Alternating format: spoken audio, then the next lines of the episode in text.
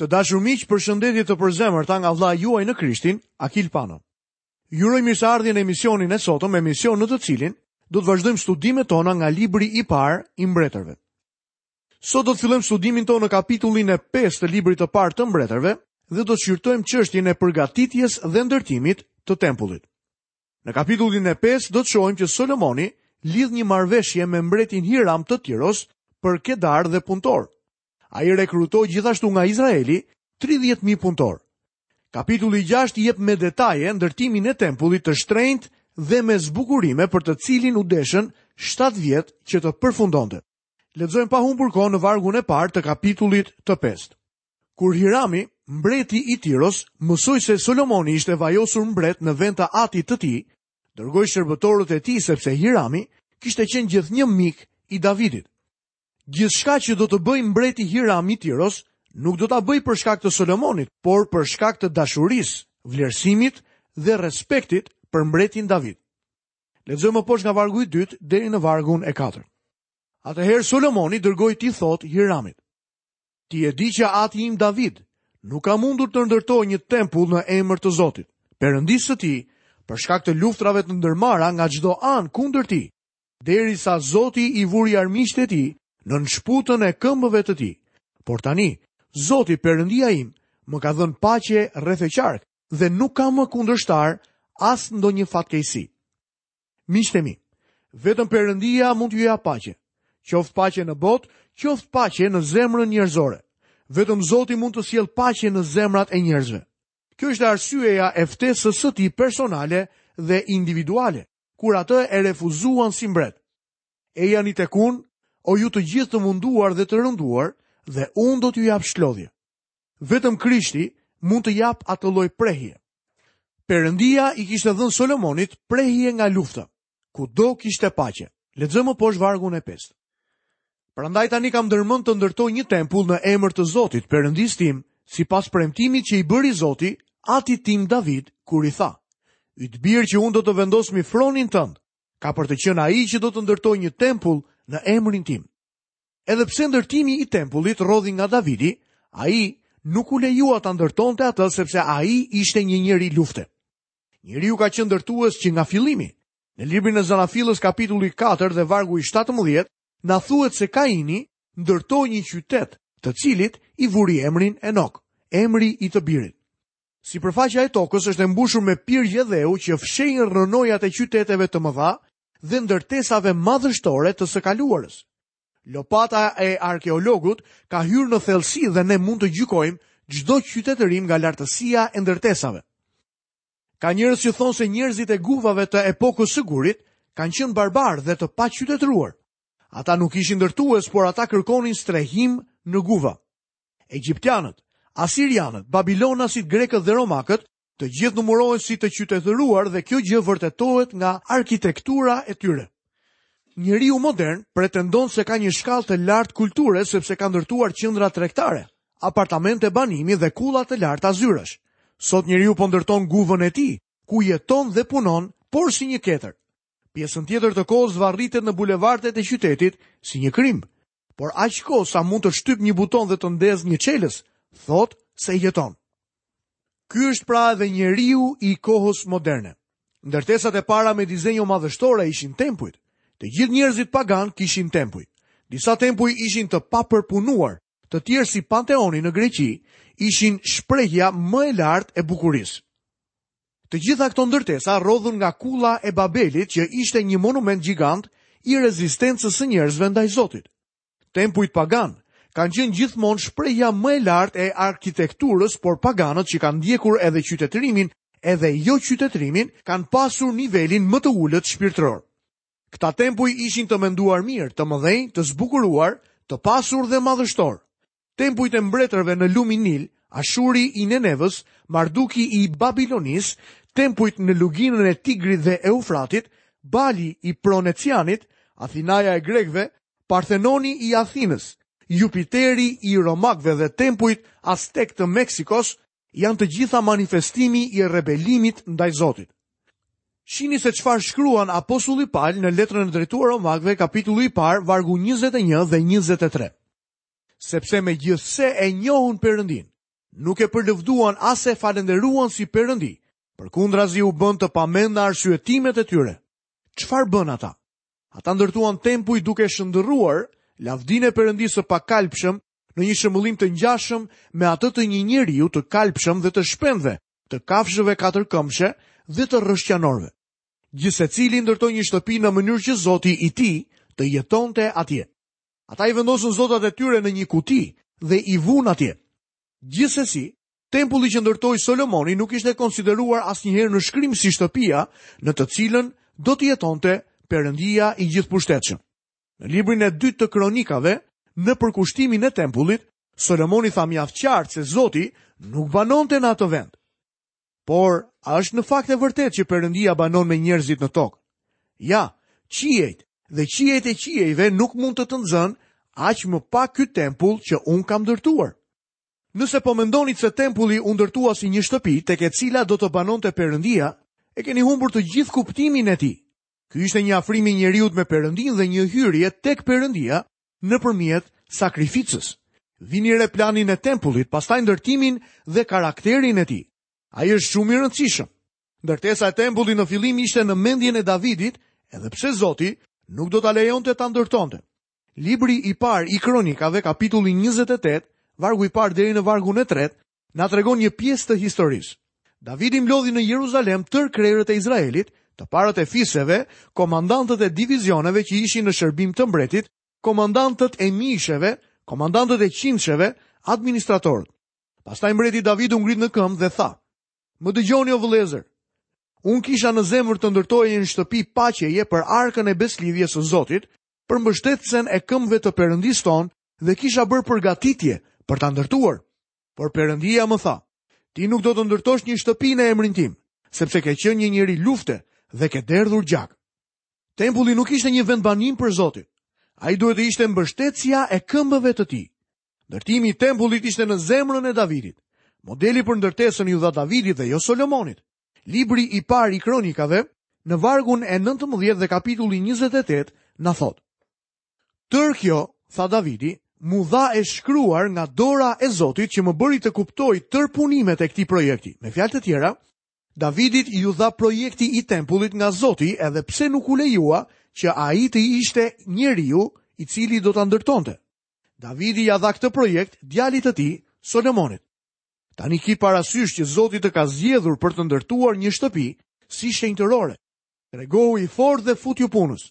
Atëherë Davidi i dha birit të tij Solomonit projektin e portikut të tempullit, të godinave të tij, të dhomave të tij, të thesareve të tij, të dhomave të sipërme, të dhomave të brendshme dhe të vendit të pajtuesit, si dhe projektin e të gjitha gjërave që kishte në mendje për frymën e lidhur me oborret e shtëpisë së Zotit, me të gjitha dhomat anësore, me thesaret e shtëpisë së Perëndisë dhe me thesaret e sendeve të shenjtëruara. Davidi mblodhi gjithashtu edhe materialin. Sërisht në kapitullin e 29 të librit të parë të kronikave dhe vargun e dytë do të shohim. Me të gjitha mundësitë e mia, kam përgatitur për shtëpinë e Perëndisë tim, ar për sendet prej ari, argjend për sendet prej argjendi, bronz për sendet prej bronzi, hekur për sendet prej hekuri, dru për sendet prej druri, gurë oniksi dhe gurë të ngallmuar, gurë brilanti dhe me ngjyra të ndryshme. lloj-lloj gurësh të çmuar dhe mermer në një sasi të madhe. Projekti i tempullit ishte në zemrën e Davidit. Solomoni vetëm sa zbatoi ndërtimin e tij. Me gjithë materialin e mbledhur nga Davidi, Solomoni lidhi një kontratë me Hiramin, mbretin e Tiros, për kedër dhe dru bredhi për ndërtimin aktual të ndërtesës. Lexojmë më poshtë nga vargu i 8 dhe i 9. Pastaj Hirami dërgoi t'i thotë Solomonit: E shqyrtova me kujdes mesazhin që më çove. Unë do të bëj të gjitha ato që dëshiron ti lidhur me lëndën e kedrit dhe të qiparisit. Shërbëtorët e mi do t'i sjellin nga Libani deri në det dhe do t'i transportojnë që andej me trap deri në vendin që ti do të më tregosh. Pastaj do t'i shkarkojnë atje dhe ti do t'i çosh tutje. Si shpërblim, ti do të plotësosh dëshirën time duke furnizuar me ushqime shtëpinë time. Si shtesë të punëtorëve nga Tiro, Solomoni punësoi një sasi të madhe force pune dhe nga Izraeli. Lexojmë më poshtë në vargjet 13 dhe 14. Mbreti Solomon rekrutoi njerëz për punë të detyruar në tërë Izraelin dhe ata që u caktuan për punë të detyruar ishin 30.000 njerëz. I dërgonte me turne në Liban nga 10.000 në muaj. Kalonin një muaj në Liban dhe dy muaj në shtëpitë e tyre. Adonirami ishte drejtuesi i punimeve të detyruara. Kjo ishte me të vërtetë një sipërmarrje e jashtëzakonshme. Pasi ndërtoi tempullin, Solomoni vazhdoi të ndërtonte edhe gjëra të tjera.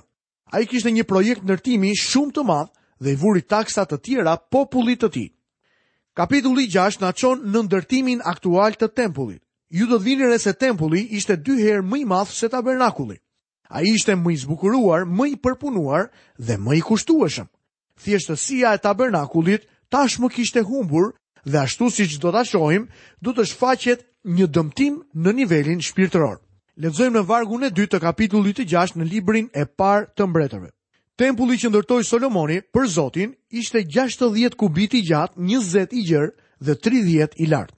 Edhe pse tempulli ishte dy herë më i madh se tabernakulli, mund të ketë qenë më i vogël sa mund ta marrim ne me mend. Tabernakulli ishte 30 me 10 kubit ose 1.500 me 1000 cm dhe i lartë 30 kubit. Tempulli ishte 3 herë më i lartë se tabernakulli, që nuk ishte asnjë gjë tjetër veçse një tendë. Edhe pse tempulli ishte i vogël, ai ishte si një gur i çmuar. Një diamant nuk është më i madh se një fije kashte, por është shumë më i vlefshëm. Kjo ishte e vërtetë për tempullin e Solomonit. Lexojmë vargjet 3 deri në vargun e 7. Portiku përpara tempullit ishte 20 kubit i gjatë, i barabartë pra me gjerësinë e tempullit dhe gjerësia e tij shtrihej 10 kubit nga fasada e tempullit. Në tempull vuri dritare me hekura. Pranë murit të tempullit ai ndërtoi dhoma që rrethonin tërë murin e tempullit si vendin e shenjtë, ashtu dhe vendin shumë të shenjtë. Kështu ai bëri dhoma anësore rreth e qark. Dhomat e katit të parë ishin të gjera 5 kubit, ato të katit të mesëm 6 kubit dhe ato të katit të tretë 7 kubit. Në fakt ai kishte ndërtuar dalje rreth e rrotull mureve të tempullit në mënyrë që trarët e mbështetjes të mos futeshin në muret e tempullit. Për ndërtimin e tempullit u përdorën gurë që ishin latuar në gurore. Kështu gjatë ndërtimit të tempullit, nuk u dëgjua zhurma e çekiçit, e sëpatës ose e ndonjë vegle tjetër prej hekuri. Më lejoni të them disa fjalë për ndërtimin e tempullit. Ashtu siç e pamë, ai ishte vetëm dy herë më i madh se tabernakulli. Ai ishte i rrethuar nga të tre anët nga ndërtesa trikatëshe. Ato ishin vendi ku jetonin priftërinjtë gjatë shërbimit të tyre.